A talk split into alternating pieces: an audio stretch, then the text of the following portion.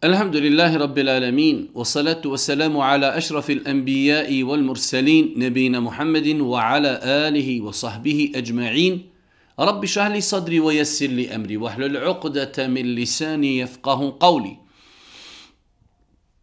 To je sve kada pripada Allahu Tabarak wa ta'ala salat miri selam na Allahu kusanih ka Allahu minik muhammed alihi salatu wa salam učastnu porod i se ljude koji slijede put do sudnjega dana Uvaženi braćo i poštovani sestre, uvaženi gledatelji, evo nas u još jednoj emisiji u kojoj se družimo s vašim pitanjima i vašim dilemama.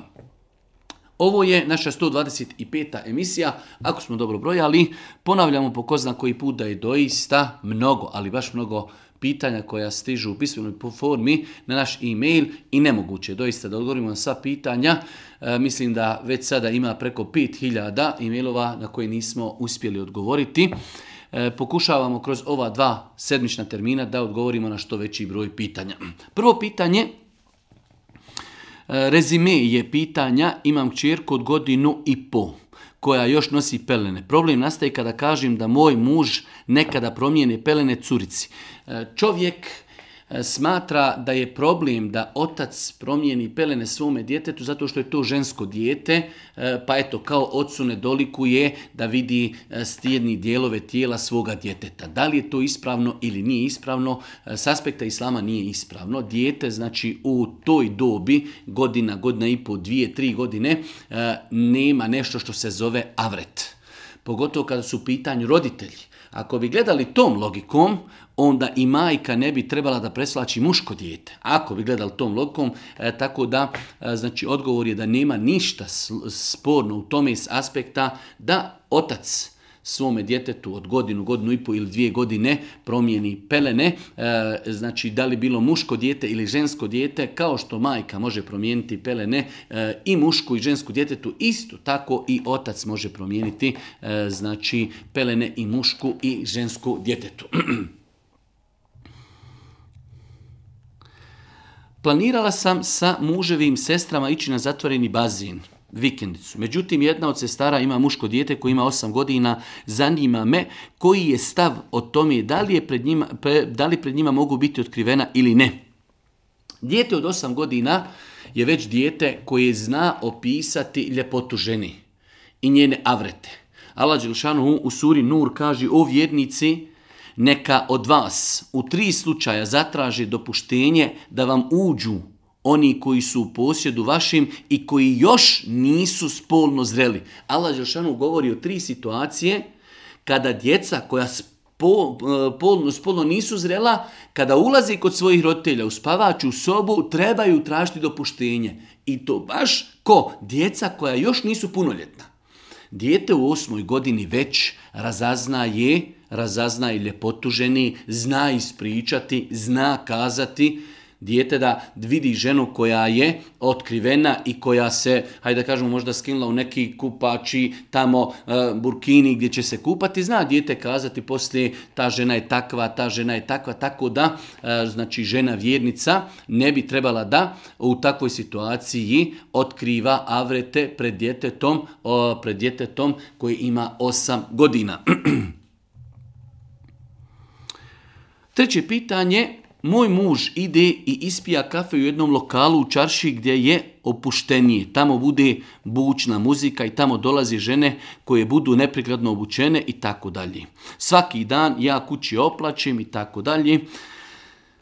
Mene to sve više i više boli. Na kraju recite mi je li moj muž griješan zbog toga i šta treba urati po tom pitanju. Je li znači e, griješan muž koji svakodnevno ide u lokale gdje ima muzike, gdje ima alkohola, gdje ima razgoličenih žena, e, da li je griješan što odlazi na takvo mjesto, pogotovo što to smeta njegovoj supruzi? Apsolutno da vjernik, musliman, e, znači iako već ima potrebu e, da se opusti relaksacijom, da treba da ode na neko mjesto koje doliči vjerniku, da li će to biti neka slastičana, da li će to biti e, neki lokal, za kojeg možemo kazati da je kao kafić, ali u kojem nema alkohola, u kojem nema nemoralnih žena i tako dalje.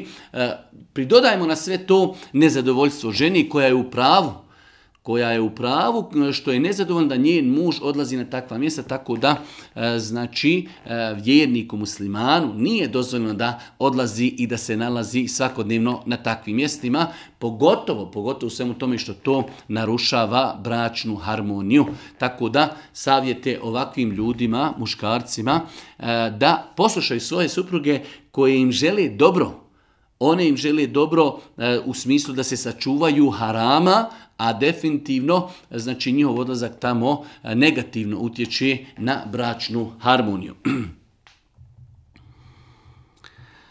Četvrto pitanje, čistim prostorije gdje djeca poslije škole dolazi, gdje djeca poslije škole dolazi, tu znači radi zadaću, imaju topli obrok. Pošto se zna čisto desi da, da je neko ko radi u kuhinji bolestan, pitali su mene da li bi mogla povremeno uskočiti i tu zna biti svinjetina u hrani. Da li je meni dozvoljeno izdavati takvu hranu? Pitanje, znači žena inače radi e, čisti prostorije škole, ali s vremena na vrijeme e, zamijeni nekoga ko radi u kuhinji, između ostalog djeci e, koja boravi tu dijeli sendvič ili hranu kojima ima svinjetini. E, Allah najbolje zna, žena vjernica bi trebala to da izbjegava. Jer ono što je zabranjeno vjerniku, zabranjeno je da omogućava i drugima. Muslimanima je zabranjena svinjetina da jedu. Samim tim, bilo kakav način promovisanja, afirmisanja, pomaganja nekome da jede i svinjetinu je zabranjen. Tako da ova naša sestra mi joj savjetujemo da jednostavno e, pojasni s vjerske strane da kaže izvinjavim se ja ovdje čistim ja, to ne mogu raditi iz tog razloga, mogu rati nešto drugo, nije sporno, ali da dijelim djeci hranu koja ima svinjetine iz vjerskih razloga to ne mogu raditi. Kada sam klanjala sa mužem podni namaz na seždi, kada smo bili, ja sam zaboravila da klanjam s njim i prije nego što je on rekao Allahu ekvir, ja sam digla glavu e, jedno, dva, tri centimetra i kada sam se sjetila, vratila sam se. Pitanje znači je li pokvare namaz osobi koja klanja u džematu i iz zaborava pretekne imama. Znači može se desiti da čovjek jednostavno u datom momentu i zaborava iščekujući da imam kaže Allahu ekver ili semi Allahu limen hamide da insan pretekne imama ali u zaboravu. E, šta će u takvoj situaciji čovjek uraditi? Prva stvar, preticanje imama u namazu svjesno je zabranjeno.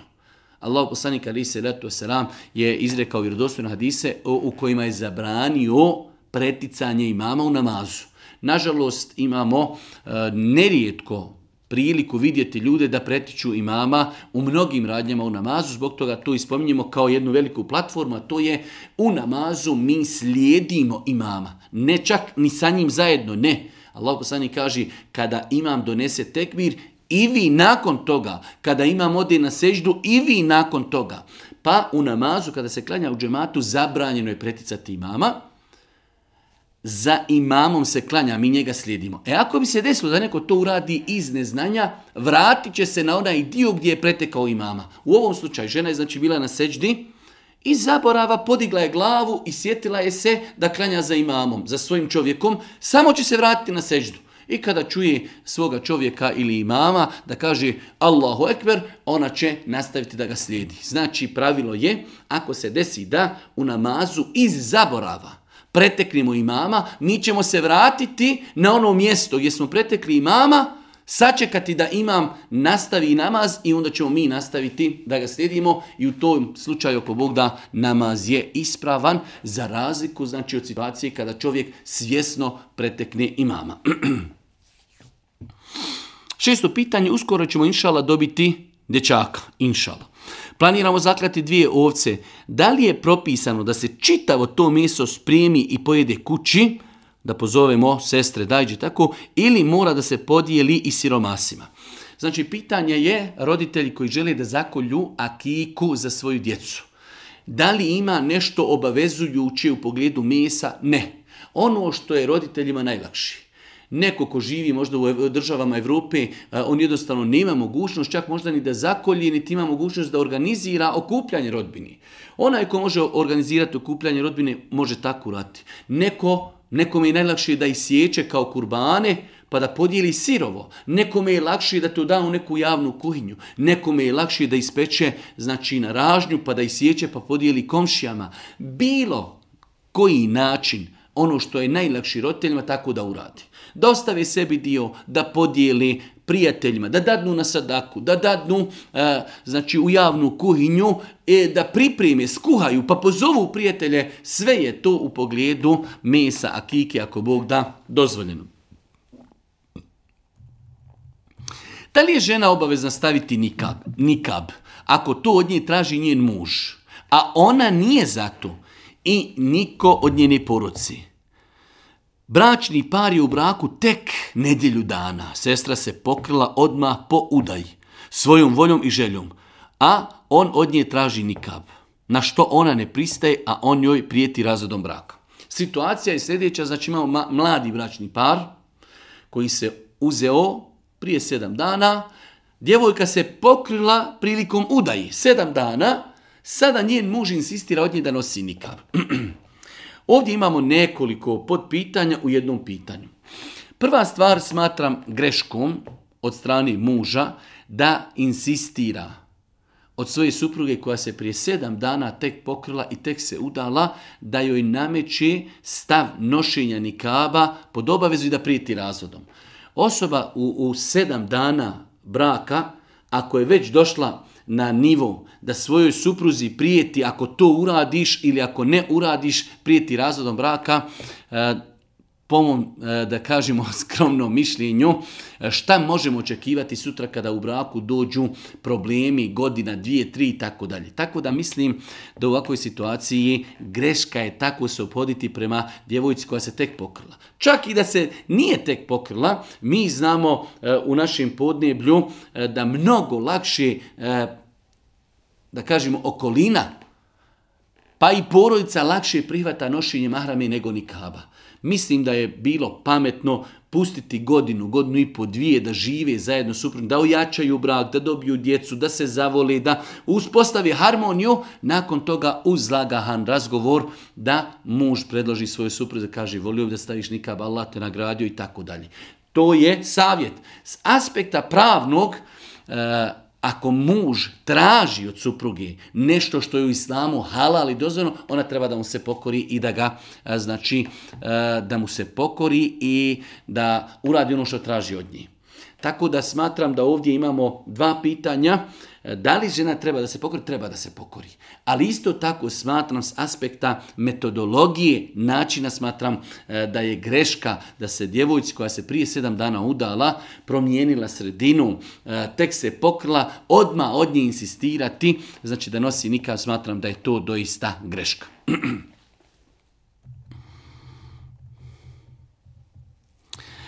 Jedno malo duže pitanje, e, ja ću ga kratko rezimirati pa ću pročitati nekoliko isječaka iz ovog e, pitanja, to je da jedan e, naš brat poslao pitanje, odnosno poslao je sliku dvojice ljudi koji sjede negdje, ne znam, nija, i pred njima stoji karton bezalkoholnog piva. I on pita da li je to dozvoljeno objaviti sliku na koju su se oni uslikali sa kartonom ispred njih, znači bezalkoholnog piva. Pa evo nekoliko eh, isječaka u, u, u tom eh, znači, pitanju. Dakle, pretpostavljam da se radi o bezalkoholnoj pivi, iako ja lično u to ne vjerujem. Prva stvar, postavljamo pitanje i iznočimo već konstatacije. Zanima me vaše mišljenje, da li vi opravdavate ovako ponašanje, ne samo ove dvojice momaka, već generalno sve veći trend tješenja bošnjaka, željnih alkohola, da u takvim pivama nema alkohola. Već imamo problem da smo želimo da nametnimo drugim ljudima svoj stav. Neko pije bezalkoholno pivo, smatra to halal, a mi smatramo da je to tješenje zato što on ne može alkohol, pa evo može bezalkoholna piva. Ako je bezalkoholna piva halal kao što jeste, šta je to problem da neko pije bezalkoholnu pivu? Nisam od ljudi koji smatraju da treba se slikati sa tim, da to treba objavljivati, ali sam od ljudi koji smatraju da je bezalkoholna piva, znači pivo, da je zdravije desetine puta nego bilo koje gazirano piće koje mi pijemo i niko ne postavlja problem. Evo čovjek je se uslikao, ispred sebe ima limenku kole, limenku pepsija, fante i tako dalje. Tako da nisam od ljudi koji propagiraju da se treba slikati sa bezalkoholnom pivom, ali isto tako ako to neko uradi, ne smatram da je uradio išta problematično ako smatra i ako vjeruje e, da je to dozvoljeno. Može insan smatrati sebi za sebe da je, ta pivo, da je to pivo zabrajno, ali pogrešno je se toliko miješamo ljudima e, u njihove privatne živote da mi zbog njih postavljamo pitanje. Na kraju, čovjek postavlja pitanja, ali već iznosi propis, kaže, moje lično mišljenje je da je to skandalozno i nedopustivo. Ljudi postavljaju nama pitanja i onda u tom istom pitanju nam daju i odgovore. Insan koji želi da čuje mišljenje učene osobe, dovoljno kaže šta mislite o tome i tome. Nema potrebe da govori za mene je to skandalozno, za mene je to i tako dalje. Za mene lično to uopće nije skandalozno.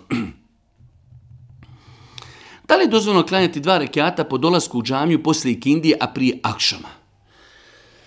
E, pitanje je da li klanjati dva rekiata tehijetul mesečida kada uđemo u džamiju u periodu kada je zabrana klanjanja na fili. U islamu postoje određena vremena kada je zabrano klanjati na filu. Od sabaha, sabah smo klanjali, pa do izlaska sunca i dok sunce ne oskoči 15 minuta. Kada je sunce na polovini neba i od ikindije pa do zalaska sunca. To su vremena kada je zabrano klanjati na filu.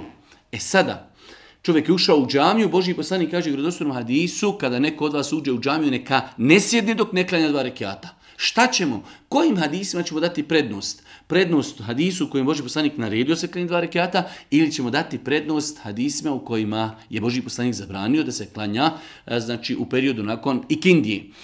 Allah najbolje zna, lično sam stava, da se hadisi u kojima Božji poslanik zabranjuje na filu odnosi na opću na filu. Čovjek je došao poslije ikindi u džamiju i kaže evo sad sam slobodan, hoću da klanjam dva rekiata, četiri rekiata, šest rekiata, imam vremena, želim da klanjam na filu.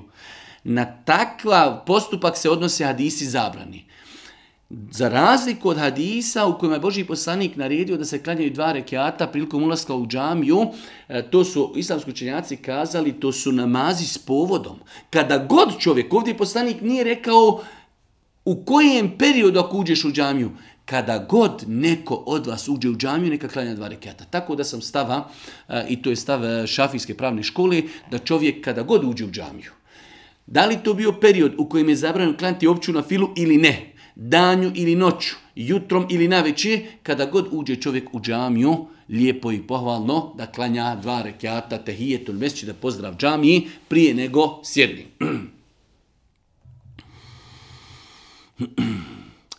Ima mnogo težak period, doživjela sam gubitak meni e, mnogo bitni osobi. Mnogo mi je teško da se nosim s time. Pogodilo me je baš. A znam da je Allah tako htio i da je tako moralo biti. Na čemu se uvijek zahvaljujem Allahu i molim se da mi olakša. Možete li mi reći kako mogu poboljšati stanje koje dove učiti za usamljenu stres, brigu i tako dalje.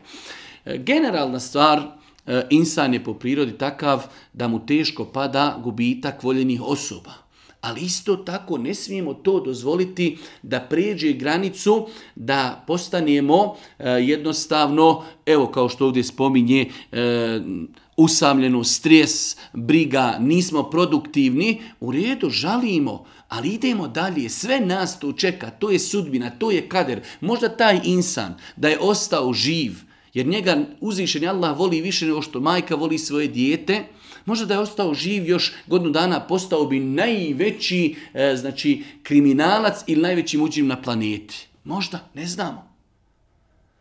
Tako da insan treba se e, pokori, da prihvati kader, da dovi Allahu Đelšanu za osobu koja je umrla, da mu Allah oprosti, da mu proširi kabu, da mu se smiluje, da ga nagradi za ono dobro koje je učinio. Isto tako kada je u pitanju e, taj moment straha, anksioznosti, druženje sa Kur'anom, vjerovanju Allaha, vjerovanju u kader, ne može nam se desiti ništa osim onoga što nam je uzvišenje Allah propisao, aktivnost aktivizam, druženje sa ljudima, miješanje sa ljudima, porodica, nerazmišljanje o takvim stvarima. Poslanik Ali sam je bio poslanik za njegovog života umiru mu supruge, umiru mu kćeri, umiru mu voljeni ashabi, Hamza radi Allah i mnogi drugi voljeni ashabi. Kako je to Boži poslanik podnosio? Nije lako, ali idemo dalje. Svi ćemo mi jednog dana otići. To je kader, to je sudbina. Nismo mogli na to utjecati, tako da čovjek s druge strane treba da bude svjestan da za svaki musibet koji ga zadesi, a u smrt voljene osobe i musibet, kada se čovjek strpi radi Allaha, da će biti zbog toga nagrađen. To su neki savjeti kako i na koji način da čovjek prevaziđe ovakve situacije. Esselamu alaikum, stav o radu kao vatrogasac. Da li je znači po islamu dozvoljeno da čovjek bude vatrogasac? Posao vatrogasca sam po sebi generalno je više nego plemenit posao. Više nego plemenit posao. Velika je stvar da čovjek radi u službi kada se desi požar da ide da spašava ljudske živote, spašava ljudsku imovinu. Koliko puta se desi ako e, se nije na vrijeme reagiralo da izgore zgrade, da izgore i poslovni prostori, da e, e, požari progutaju desetine i stotine ljudi, tako da e, raditi kao vatrogasac je više nego plemenito, zanima i S druge strane uzmite da u današnje vrijeme vatrogasci reagiraju i u saobraćajnim nesrećama, pa kada su u pitanju životinje, pa kada su u pitanju izgubljeni ljudi i tako dalje. E, znači u osnovi biti vatrogasac je plemenit posao. E sada, da li u toku tog posla se može desiti nešto što je sporno? Može, ali čovjek treba da to izbjegava. Ali generalno kao posao, Znači više nego plemenit posao, spašavanje ljudi, spašavanje života, spašavanje e, materijalnih dobara, znači više nego plemenit posao. Da li po šest dana šeuala može nanijeti, e, možemo nanijeti ujedno i kao napašanje propuštenih dana Ramazana zbog hajza? Pitanje, znači, da li žena može da posti u mjesecu šaualu, koji evo još traje, i da tim postom nije ti dvije stvari. I na paštanje Ramazana i šest dana Šeuala. Može li? Ne može. Ne može. Mora jedno od ovoga dvoga. Znači, ili će postiti na paštanje, ili će postiti ili će postiti šest dana u mjesecu šaualu. E, postoji jako razilažen kod islamskih učenjaka da li žena koja posti u, š, u ševalu, šest dana ševala, mora prvo da naposti ili ne. Ja lično sam stava da ako ne može objediniti, što znači objediniti, najbolja je opcija da žena naposti dane Ramazana, nakon toga posti ono što e, treba u ševalu šest dana. Ali ako žena kaže ne mogu, mnogo mi je, onda ja lično sam stava da nema smetnje jer je Allah Đelšanu ostavio svojim robovima da imaju godinu dana da naposte Ramazan. A Ovi šest dana su nam samo vezani za jedan mjesec. Tako da smatram da nema nikakve smetnje da osoba, žena koja ne može objediniti oboje, da prvo posti šest dana mjesecu ševalu, tokom cijele godine neka naposti dane koje nije postila u mjesecu Ramazanu, ali postiti jedan pust i namiravati dvije stvari, to nije dozvoljeno. Esselamu alaikum, da li imam treba da ostavi stanku? između Fatihe i Sure da bi muktedije proučili Fatihu. Pitanje znači kada smo u džematu, klanjamo pa imam prouči Fatihu, da li treba imam jedno vrijeme da šuti prije nego počne učiti suru kako bi ljudi koji klanjaju iza njega imali vrijeme da prouči Fatihu. Da li je to potrebno? Nije potrebno. Zato što to nije radio Boži poslani, čak neki učenjaci su to smatrali i notarijom. Znači, prenesene su dvije stanke, dva perioda kada je Boži poslanik Ali se letu selam šutio namazu, kada bi donio početni tekbir, tada bi šutio i zna se da je tada učio onu početnu dovu Subhaneke ili neku drugu dovu i kada bi završio sa kirajetom, učio bi Fatihu, učio bi suru, kada bi završio sa surom, napravio bi kraću stanku nakon kirajeta i onda bi otišao na ruku. To su te dvije stanke stajanja u namazu u kojima se šuti, kratki, a šutjeti nakon fatihi minut, minut i po dva, da bi ljudi iza nas mogli prušiti fatihu, to nije propisano.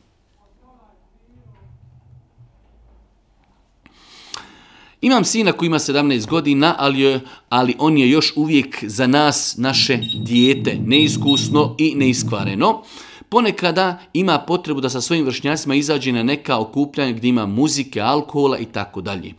E, s obzirom da smo u Europi i da se isključivo eto radi na primjer o nekom teferiću gdje ga ne možemo e, sa komšijama poslati i tako dalje i šta nam savjetujete i tako dalje. U svakom slučaju djeca koja su puno ljetna, nemoguće da roditelj svoje dijete 24 sata prati gdje i šta je, ali može roditelj da sa svojim djetetom razgovara, da mu pojasni.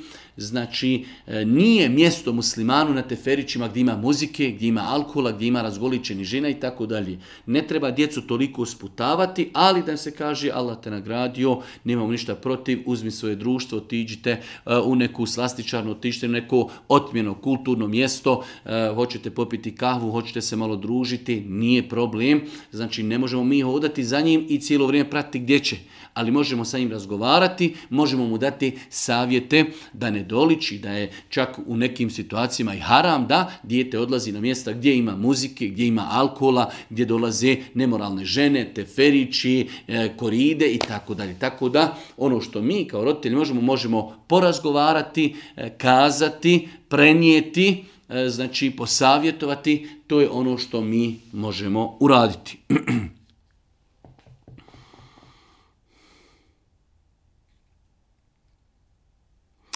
Jedno malo duže pitanje, jedna osoba koja kaže da je se počela vraćati vjeri, ali kaže imam rođaka koji, kod kojeg je žena pokrivena i koji redovno ide u džamiju. Ali postoji tu nešto mnogo čudno. Kada je van džamije, on nas poziva u neke prostorije tipa neka bosanska soba gdje sjede ljudi sa zelenim prsucima, sviraju saz i udaraju u neke tepsije i tako dalje, pjevaju i gore dole. E, ono što je interesantno, pazite, E, osoba koja se vraća vjeri, govori o svom rođaku koji je vjernik, koji praktikuje vjeru, ali eto on njih poziva ostalu rodbinu da tamo negdje ima neka bosanska soba u kojoj, kako ovdje stoji da e, znači ljudi e, udaraju u defu, zelenom su i tako dalje, svi znamo na koga se to odnosi, kaže stalno nam kroz šalu govori da smo mi vehabije, iako ja još nisam ni pokrivena, a mislim da se pokrim. Pogledajte vi odnos ti e, ljudi e, koji su e, znači krenuli tim putem sofizma, derviša, zikrova, okupljanja ljudi u nekim bosanskim sobama. Znači mi muslimani vjerujemo da mjesto za ibadet je džamija i mjesečica. Mimo toga nikakve tekije, niti bosanske sobe, nikakvi sazovi, nikakvi defovi, e, nikakve, nikakvi znači e, posebni neki rituali i tako dalje. I pogledajte, osoba koja se tek vraća vjeri, žena još nije pokrivena, ali odmah je etiketiraj, ako nećeš ići vamo gdje mi idemo, odmah si ti vehabija. Šta u takvim slučajima raditi, kako se ponašati? E, jednostavno, insan treba da uči treba da uči, da ne gleda islam kroz postupke ljudi. Treba da nauči da u islamu hoću da ibadetim, to je džamija. To je mesčit. Nikakve tekije, nikakve bosanske sobe, nikakvi zikrovi, nikakvi prsluci, nikakvi defovi, nikakvi sazovi, e, nikakva znači posebne ceremonije. Idem u džamiju, klanjam, slušam predavanje, slušam hudbe, pokoran Allahu Đelešanu, ne pripisujem se nikakvoj frakciji i to je to. A to što će neko kazati za mene vehabija, manje ili više nešto drugo, insa ne treba da se osvrći na takve stvari. Čula sam da nije ispravno kupovati suprugu ili supruzi sat kao poklon, jer vam počne isticati vrijeme. Brzo nakon toga odnos počne pucati i tako dalje. Je li tačno, znači da e, je zabranjeno supružnicima da međusobno jedno drugom kupe sat, jer kao na taj način počinje odbrojavanje vremena i nastaju problemi u porodici.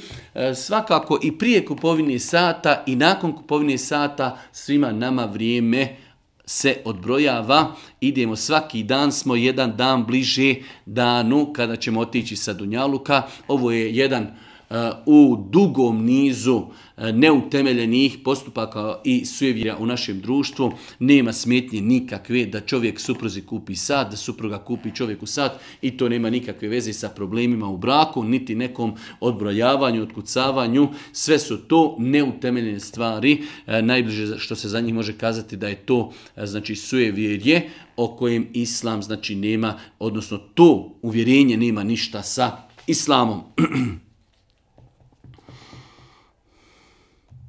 Da li je normalno da imam odsustvo empatije kada pročitam vijest o smrti onih koji su bili sebebom mojih postratnih trauma, jer sam kao dijete od 10 godina proživjela velike traume u zvorniku, e, početkom 90. i tako dalje, zbog kojih danas imam strahove anksioznosti. Da li je normalno da imam odsustvo empatije kada pročitam vijest o smrti onih koji su bili sebebom e, e, mojih posmrtnih trauma, jer sam o, ono, vidite kako smo mi čudan narod i dokle ide naš taj merhamet.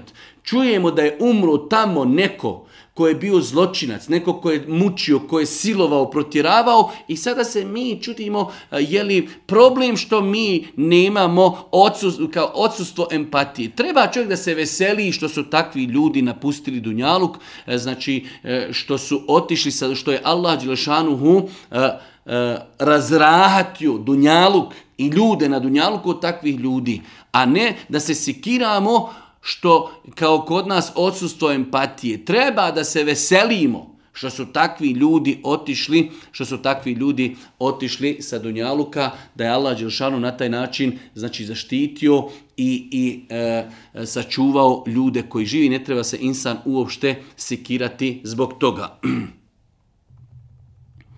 Da li na putu mogu skratiti podne i kindiju u podnevskom vremenu, ako postoji mogućnost za knjignijem kući u ikindijskom vremenu? Znači imamo situaciju kada čovjek na putu i kao musafir on ima pravo da skrati namaze, da podne klanja dva i kindiju dva, ali ako ima i potrebu da klanja i da ih spoji, pa u podneskom vremenu klanja i podne i kindiju. A doći će kući možda u ikindijskom vremenu. E, mi ponavljamo ono naše poznato pravilo, čovjek kada je na putu ima pravo da skraćuje namaze. Podne klanja dva i kindiju klanja dva. Skraćuje. Ali ako ima i potrebu, onda nema smjetnje da, da ispoji namaze. E sad, ako čovjek je skoro pa uvjeren da će doći kući u ikindijskom vremenu, onda nema potrebe da spaja namaze, ali ako postoji doista opravdan razlog, nije siguran, postoje određeni faktori eh, koji bi se mogli desiti na putu, pa da ne mogne znači, kod kuće stići na ikindiju, onda nema smetnje da čovjek kada bude klanjao podne iskrati namaze i da ih spoji. Znači, kratimo namaze kada smo na putu, klanjamo podne dva, ikindiju dva. Ako imamo potrebu, ako će nam to olakšati putovanje, ako će nam to olakšati e, znači e, boravak na putu, imamo pravo u podnijemskom vremenu da pomaknemo ikindiju i da je odmah nakon podni e, klanjamo klanjamo podni dva rekiata, predamo selam, ustanemo i klanjamo dva rekata i kindije i mi smo ako Bog da do akšama mirni. Ali ako je to neko, da kažemo, normalno putovanje, vraćamo se kući, ostalo još od kindije sati i po dva, onda nema smetnje da odgodimo i kindiju i da ih klanjamo kod kući. Da li je haram piti za vikend, ali tokom radnih dana klanjati namaze? Da li je haram piti za vikend, a tokom radnih dana klanjati namaze. Imamo znači osobe u toku radnih dana, mašala, klanjaju, ali kad je vikend daju sebi malo oduška, pa na haram način i piju, konzumiraju haram, e, alkohol, da li je to haram? Svakako, konzumiranje alkohola je i u vikendu i u radnim danima zabranjeno, s tim što čovjek treba vjernik da zna da je došlo u na Disima da se namaz ljudima, alkoholičarima koji konzumira alkohol ne prima 40 dana. Velik broj ljudi ima problem što ne može klanjati u radnim danima, pa klanjaju samo subotom i nedjeljom. Ovdje je obrnuto. Čovjek klanja u radnim danima, a subotom i nedjeljom se alkoholizira. E, znači, poruka takvim osobama jeste da se boje Allah te da znaju da je alkohol zabranjen kako radnim danima, tako i vikendom. A isto tako da je Boži poslanik Ali se letu seram kazao da osoba koja konzumira alkohol 40 dana mora klanjati. Obaveza, vađim, klanjati a nama se ne prima. Tako da, pitanje da li je haram piti za vikend, a tokom radnih dana klanjati namaze, haram je piti kako za vikend, tako u radnim danima isto. Možete li pojasniti da li rukovanje sa ženama, grljenje, spada u blud ili striktno spada samo intimni kontakt u blud? Pitanje je znači da li osoba koja dotakne ženu kojoj nije mahrem, da li se to smatra bludom ili je blud samo intimni kontakt. E, imamo dvije vrste bluda. Imamo e, stvarni blud i to je ono na što se odnosi e, termini riječi blud u islamu, a to je intimni kontakt. Intimni kontakt u islamu je uvjetovan da dođe do ulaska muškog spolnog organa u ženski. Ako dođe do ulaska muškog spolnog organa u ženski, to se u islamu smatra nemoral i blud.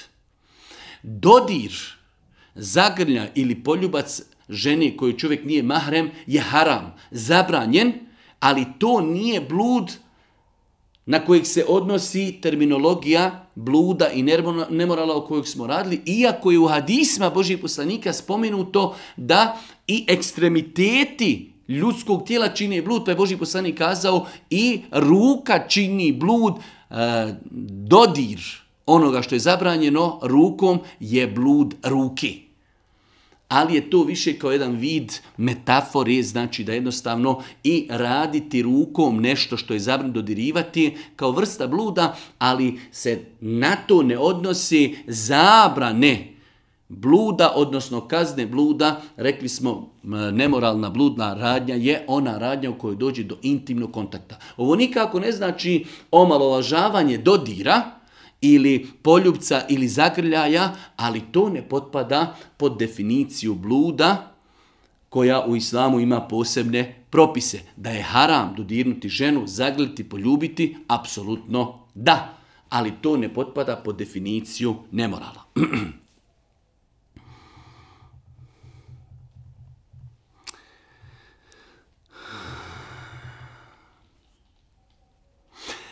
Ako je sadaku dozvoljeno davati za umrli i to njima koristi, da li se može sadaka nanijetiti da bude za naših poslanika Muhammeda alihi salatu Znači, potvrđeno je da čovjek kada daje sadaku za svoga mejita, za svoga oca, za svogu majku, svoju nanu, da, da od toga mejitima koristi, znači više vjerodostojnih hadisa u kojima Allah poslanik to potvrdio. E sada je pitanje, da li muslimani trebaju takvu sadaku da daju na ime poslanika? alihi salatu wasalam, kazali su islamski učenjaci da to nije propisano. Iz nekoliko razloga. Prva stvar, to nisu radili ashabi. A inače pravilo moramo uzeti na tome i odgajati sebe i svoju djecu sve što nisu radili ashabi i tabiini prve generacije, a smatra se ibadetom, to danas nije ibadet. Nemoguće. Kada bi mi, znači koliko god se ljutili, nemoguće da mi uradimo neki ibadet i nađimo ga koji oni nisu radili. Oni su od nas u svakom pogledu bili bolji. Poslanik Ali Selam u vjerodostojnim listima kaže najbolja generacija je moja generacija. Pa nakon toga oni nakon njih, nakon toga oni nakon njih. Tako da su to najbolje generacije. Da je to bio ibadet. Oni su volili poslanika više od nas, E, znači stotine puta, da je to bio ibadet, oni bi to radili. Pod jedan. Pod dva, e, mi inače u islamu sve što radimo, naš poslanik Ali Selam će zato imati nagradu. Zašto? Zato što on je taj koji nas tome podučio. Pa nema potrebe da mi kažemo, evo sad ja udjeljujem sadaku, a nagrada ove sadake je neću je ja sebi, dajem je poslaniku. Mi na taj način, kao što kažu učinjaci, samo bespotrebno sebe izbacujemo iz nagradi. Mi kad dajemo sadaku, poslanik ima u tome udio, jer nas je on tome podučio. On je on podučio ashabe, ashabi tabeine, oni drugu generaciju dok to nije znanje došlo do nas. Ko je nas podučio u udjeljivanju sadake? Muhammed alaihi salatu Za svako naše udjeljivanje sadake, Muhammed alaihi zbog toga ima nagradu. Nema potrebe da sebe izbacujemo na taj način iz lanca, lanca osoba koje će dobiti nagradu. Selam, imam Sufaru i mihal. Djeca dok su išla u Mekteb, da li mogu da ih bacim i zapalim? Zna se, znači, desiti da ljudi nekada jednostavno djeca odrastu, odskoči, imaju neke knjige, e, znači, koje su se i raščupale i koje su ostarile, niko ih više ne koristi. Šta urati sa takvim knjigama? E, znači, rekli smo da postoje dva ili tri načina e, šta možemo urati sa literaturom u koju imaju Allahova imena. Ne možemo to baciti u smeće, ne možemo to baciti u kontejner, možemo to zapaliti, možemo to zakopati negdje gdje ljudi ne hodaju, gdje je sklonjeno i po nekom dijelu učenjaka savremene one mašine koje znači režu papir, ako se papir izreže u takvim mašinama, on više nema, hajde da kažemo, tu svoju svetost. Tako da, znači insan koji ima određene knjige, ne mora to samo, kao što je ovdje spomenuto Sufara ili Mihal, bilo koju neku drugu knjigu u kojoj ima Allahovi lijepih imena i svojstava spomenuti govori se o poslaniku i tako dalje, citiraju se kuranski ajet, hadisi, imamo e, novinu, imamo preporod, imamo imamo glasnik, imamo neku novinu, e, izdjerala se, pocijepala se, ne znamo šta ćemo od nje, ili ćemo ih zapaliti, ili ćemo ih zakopati u zemlju i ona će ako Bog da za možda 3-4 mjeseca ili 6 mjeseci istruhnuti tamo gdje ljudi ne hodaju, ili ćemo to samljeti znači, sa ovim savremenim novim mašinama za mljevenje papira. Čuo sam da ko kaže la ilaha illallah ući će u džennet i ući će oni koji su imali e, iman koliko gorušica, znači e, koliko gorušice imana. Da li će i samoubica ući u džennet koji redovno klanjao, postio i tako dalje. U svakom slučaju, e, stav ehli sunneta vol džemata jeste da osoba koja je radila velike grijehe na Dunjaluku, Veliki grijesi su alkohol, veliki grijesi su e, znači blud, veliki grijesi su kamata, veliki grijesi su e, siher, veliki grijesi su i da ne nabrajamo. Čovjek koji je govorio la ilaha illallah, bio je musliman, bio je monoteista, vjeruju u Allaha, vjeruju poslanika, ali imao je svoje grijehe i došao je na sudnji dan da ima više grijeha nego dobrih dijela. Takve osobe, ako ima lađa se ne smiju ne oprosti, jedan period će provesti u džehennemu, kažnjavaći se zbog grija koji su radili, a nakon toga zbog osnovi teuhida, zbog osnovi riječi la ilaha illa Muhammed Rasulullah, na kraju će završiti u džennetu. I o tome govori vjerodostojni hadis o šefaatu, gdje je Boži poslanik Ali ja sam potvrdio jasno taj veliki princip u pogledu kojeg su određene eh, sekte, zalutale, smatraš da osoba koja uradi veliki grijeh, da je samim tim postala nevjernik, što nije tačno. Insan, znači, može objediniti da bude musliman, da kaže la ilaha illa, da u svemu tome ima veliki grijeha. Ako Allah te velike grijehe ne oprosti na sudnjem danu, može biti kažnjen u džehennemu određen period, nakon toga, baš kao što je došlo u vjerodostojnim hadisima, da izađu šefaatom, zauzimanjem, da li poslanika ili nekog drugog koji ima pravo na, na šefati za uzimanje i da završi na kraju skončaju u džennetu. Imamo jedno pitanje, da li je grijeh ako mi žena radi u kladionci, gdje nema automata za kocku, ima samo za futbal, da li je to haram?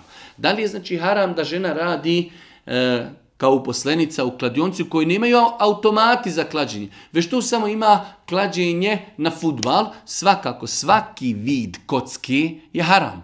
Da li to bilo putem aparata, putem papirića, putem uplate, svaki vid kocki je zabranjen i samim tim raditi u takvim prostorijama, raditi na takvim e, mjestima kao uposlenik je haram i pomaganje onoga što je zabranjeno. Udata sam i živim u zajednici sa mužem, njegovim ocem i bratom. Naime, moj muž ide u Njemačku na tri mjeseca, samo jednom. Ja sam planirala i mislim da je najispravnije da odem kod svoje mame dok on nije tu i tako dalje. Pitanje je da li je ispravna odluka da žena, znači koja je udata, živi u zajednici sa e, svojim e, znači, roditeljima od svoga muža, dok on bude odsutan tri mjeseca, da ne bude kod njih u kući. Mislim da je to pitanje dogovora između supružnika. E, lično smatram, ako čovjek već ima svoga brata, koji živi zajedno sa roditeljima da i jest najbolja opcija da žena znači u tom periodu a i ovdje je ova sestra ispomenula da bi ona nakon 3-4 dana odlazila kod e, svekra i svekrve da im počisti kuću da im spremi hrani ali bi nakon odlazila kod svoje majke mislim da je to definitivno najbolji prijedlog ali opet se stvar vraća dogovoru supružnika dogovoru supružnika da li žena ima pravo to tražiti apsolutno da pogotovo znači prisustvo djevera jer žena pred djeverom mora biti pokrivena ne smije se sa njim osamljivati Ivati tako da e, sigurno to predstavlja ženi koja živi u zajednici jedan veliki problem, tako da e, znači u periodu odsusta njenog muža tri mjeseca naj, najbolji prijedlog jeste da ona bude kod svoje majke, ali da s vremena na vrijeme, dva, tri dana, četiri dana dođe kod e, svoje sekreve, kod svoga sveka da im pomogne, da im očisti, da bude na usluzi, ali da se na vraća svojoj kući. Imam 16 godina, radim kao konobar u kafiću gdje se prodaje šiša i vejpovi. Da li je to moj grijeh ako napravim nekom i šišu?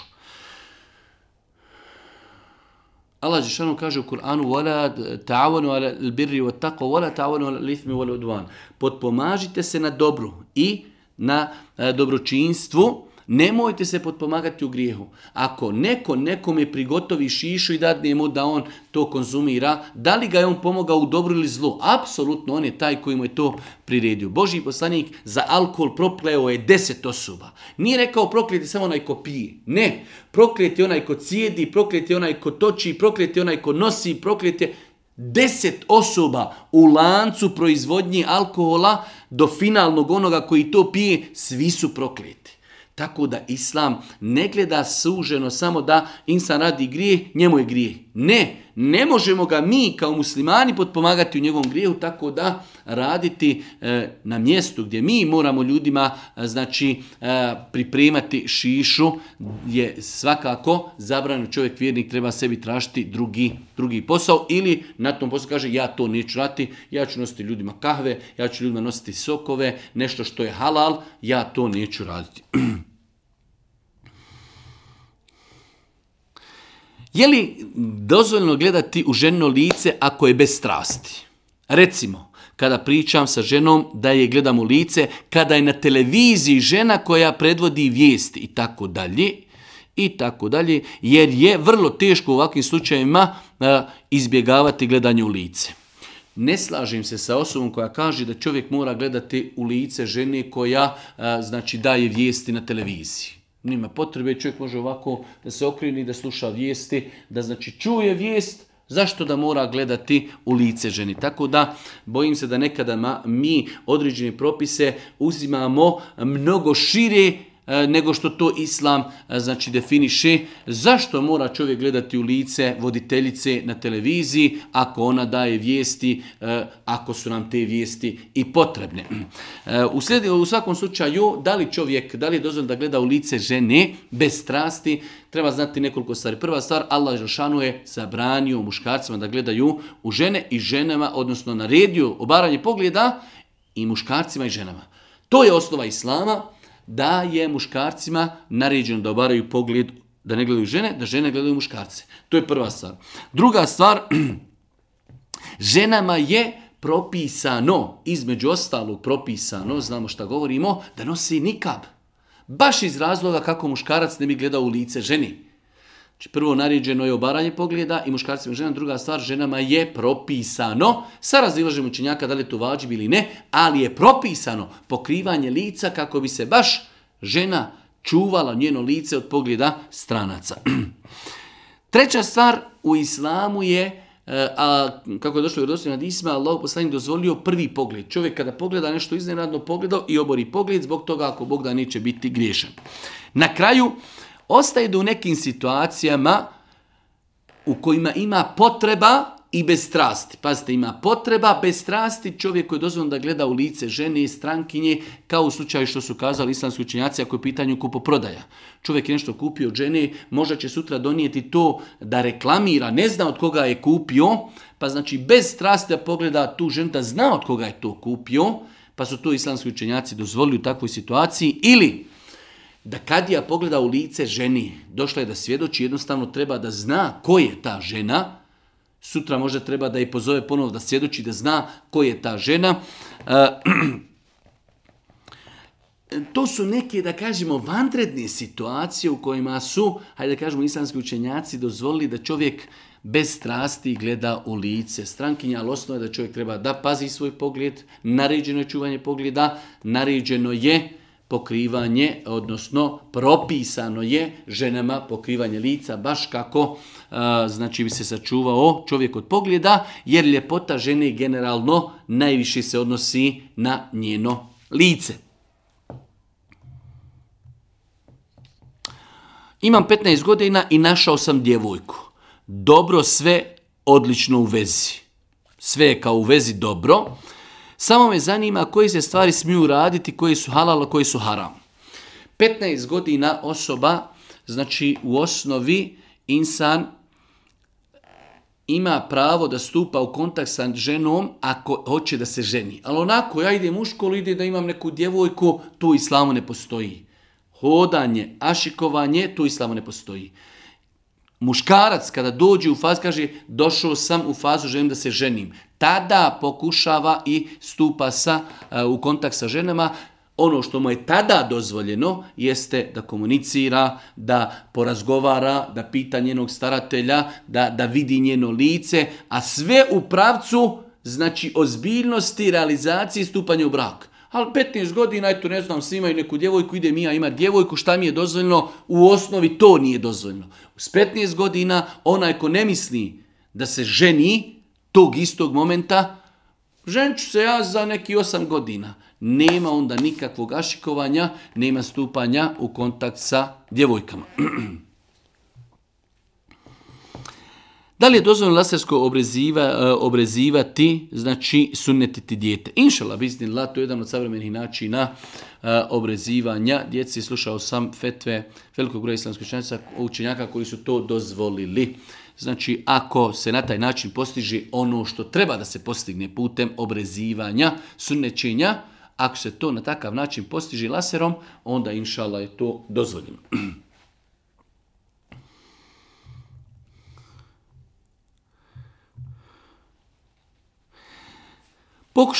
Pokušala, sam postiti šest dana u mjesecu ševala, ali sam uspjela samo postiti tri. Nakon toga se osjećam e, veoma loše i tako dalje. Mogu li sada ta tri dana da ih računam da je to napaštanje onoga što nisam postao Ramazanu? Znači imamo sestru, počela je postiti šest dana u šavualu, ispostila tri dana i više ne može, bolesna je. Sada pita, mogu li ta tri dana koja sam već postila da zamijenim pa da to bude napaštanje onoga što, što sam trebala postiti Ramazana? Apsolutno ne. Innemel a'malu bin Dijela se vrednuju po namjeri. Onog momenta osoba kada je postila, ona je to namjeravala da su to dani Nemoguće je da na filu prebacimo da na fila bude farz. Tako da tri dana je postila, alhamdulillah imat će za ta tri dana koja je postila, ako mogli do kraja mjeseca nek isposti, ako ne, znači ne mogu se ta tri dana nikako računati da se e, ta tri dana broje kao napaštanje farza. I posljednje pitanje, šta rati u slučaju ako je svadba u subotu, a vjenčanje šerijetsku nedjelju? od kada mladinci smiju imati intimni kontakt. To što su se oni e, obavili svadbu prije vjenčanja ne znači da oni smiju imati intimni kontakt. Znači može se nekada desiti, iako to nikako ne preporučujemo, ali evo desila se e, svadba, a sutra će se šerijatski vjenčati e, mladinci. Da li oni nakon svadbe imaju pravo na intimu? Apsolutno ne. Apsolutno ne. Znači, sve dok se oni šerijatski ne vjenčaju, oni nemaju pravo na intimu. Molim uzvišenja Allah subhanahu wa da nam podari dobro i dunjalka. ahirete, nas podući propisima vjeri, na kraju subhanike Allahumma bihamdike, šedu in la stakfiruke, wa etubu ilik.